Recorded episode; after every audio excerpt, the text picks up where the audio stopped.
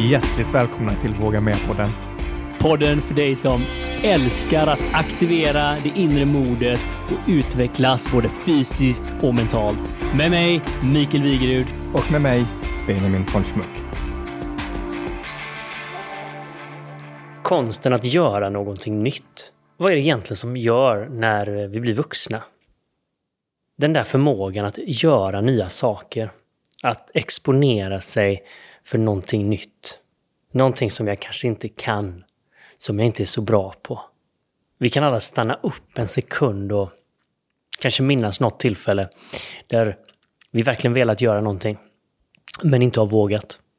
Där vi själva har hållit oss tillbaka eller snabbt hittat logiska argument för att det här inte är relevant. Vi kommer att utforska det här lite grann och, och se vad det egentligen som händer när vi inte vågar kliva ut och stå där utanför komfortzonen och möta den där grejen som vi verkligen vill göra. Vi kommer få höra kort från eh, Benjamin som har kastat sig till andra sidan jorden och till Japan och en helt ny kultur. Både hur det var lite stapplande steg de senaste veckorna innan han gav sig iväg på den här resan. Men också tror jag av vad han har mötts av, vad han har utmanats av och den här fascinerande japanska kulturen. Men från långt bort tillbaka till exakt där vi är. För det är en stor del av det här med att våga göra någonting. Stort som litet. Som är lika mycket en inre resa som en yttre resa. Lika mycket det som händer innan som när vi faktiskt till det yttre genomför det. Och det där tror jag många gånger att vi förbiser. Vi förbiser den här mentala processen och kanske är lite mer otränade i den mentala resan inför någonting. Och som Anneli Pompe säger, för att bli modig och våga göra någonting så måste vi träna att vara modiga. Alltså träna att göra saker som vi inte kan, som vi tycker är läskiga eller som vi hmm, egentligen inte vill. Och då är det väldigt bra att börja med enkla saker. Där vi kanske nästan redan vet att jag kommer att lyckas.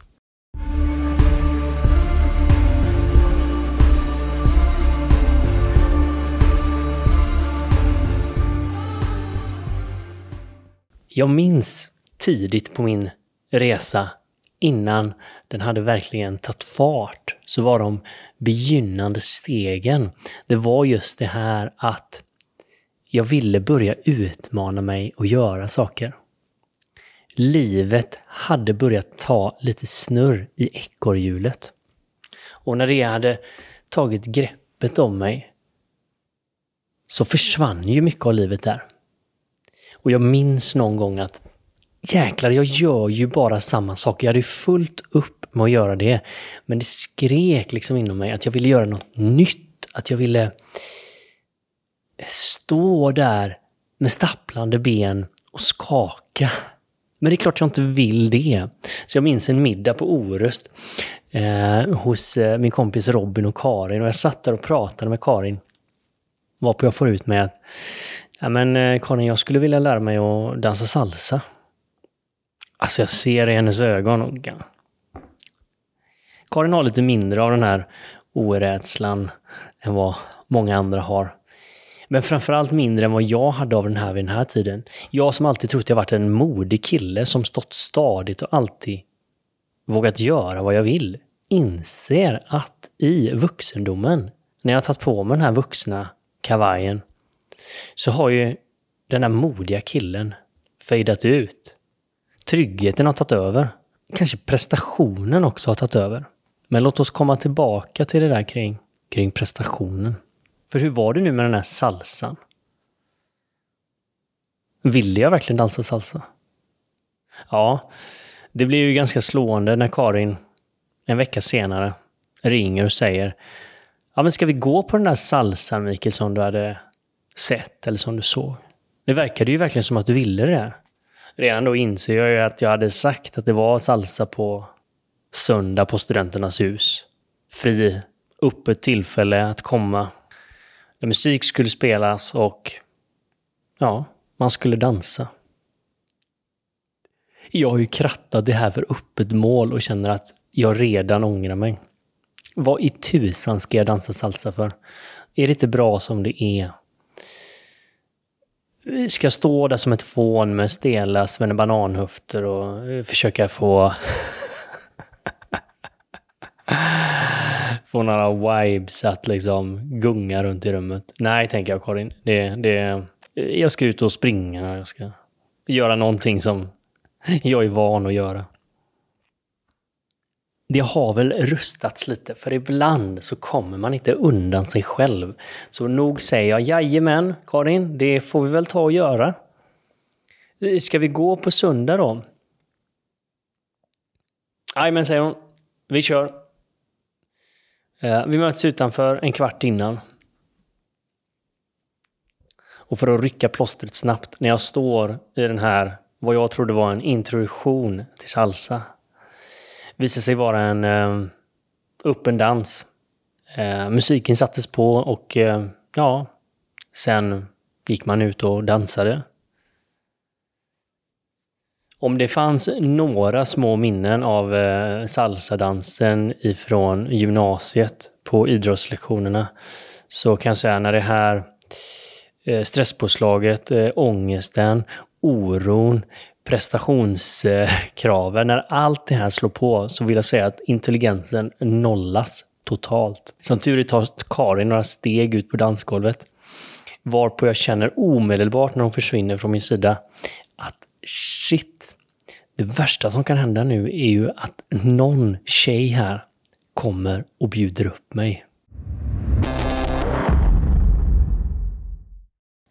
Har du någonting som du känner att du har verkligen skulle vilja göra, men som du inte har gjort. Alltså stort som litet.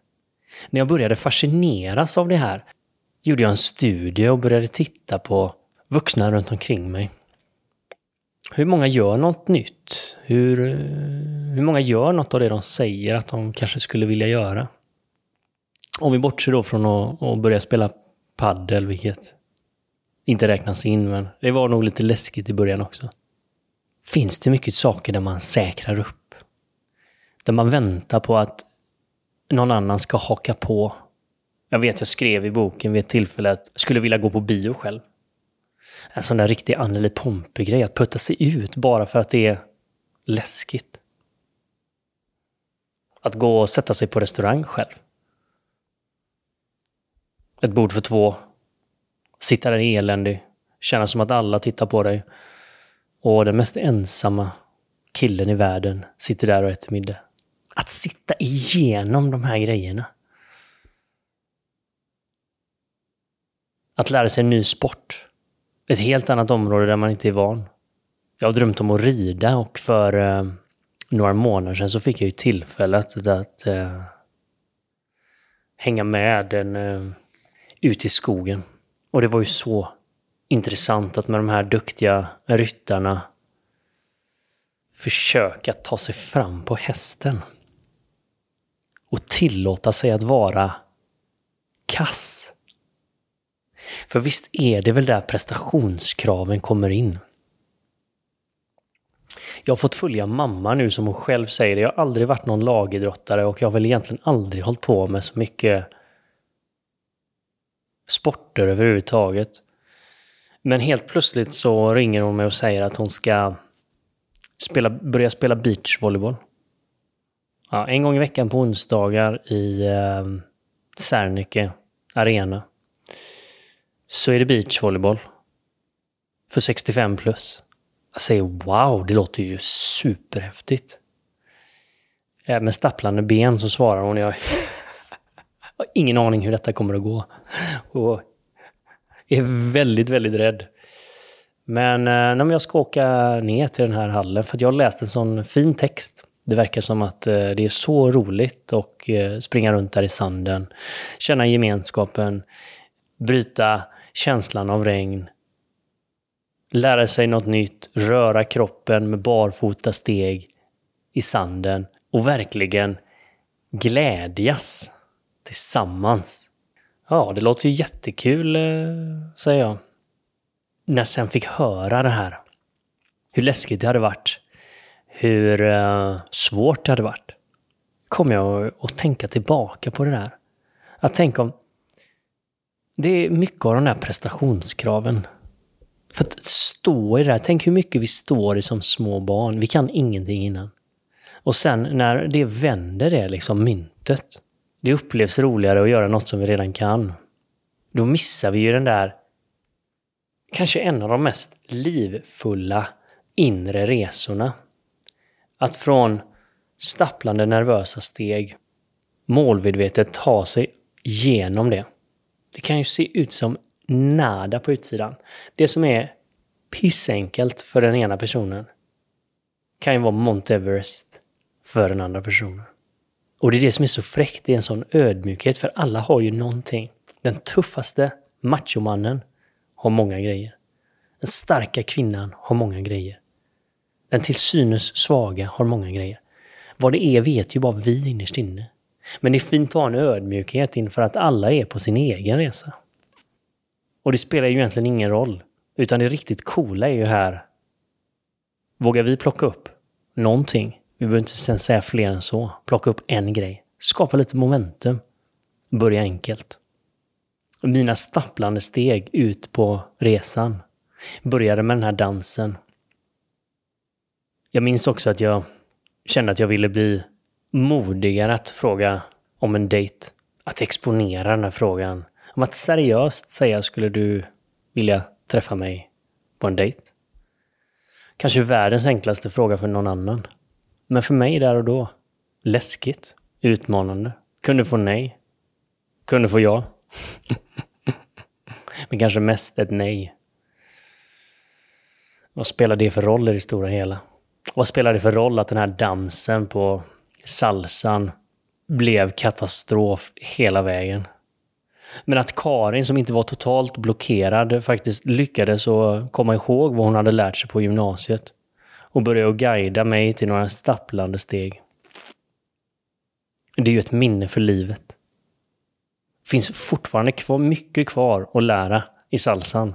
Ja, kanske är det någon där som lyssnar nu som kommer att putta ut mig på ett eh, dansgolv någonstans. Men nästa gång känner jag då behöver det vara med en introduktion. För det finns ju många sätt att möta nya saker. Det finns mycket hjälp att ta, det finns många duktiga som har gjort saker innan. Men att kliva in, att bara äga sig själv, att med sån självkärlek säga att eh, det här vill jag göra. Jag vill gå och se den här bion och det är ingen som hänger på, så att jag går och ser den själv. Att tillåta de här två parallella resorna, den yttre aktiviteten och den inre resan, att fortgå samtidigt. Att liksom börja lära känna båda mer.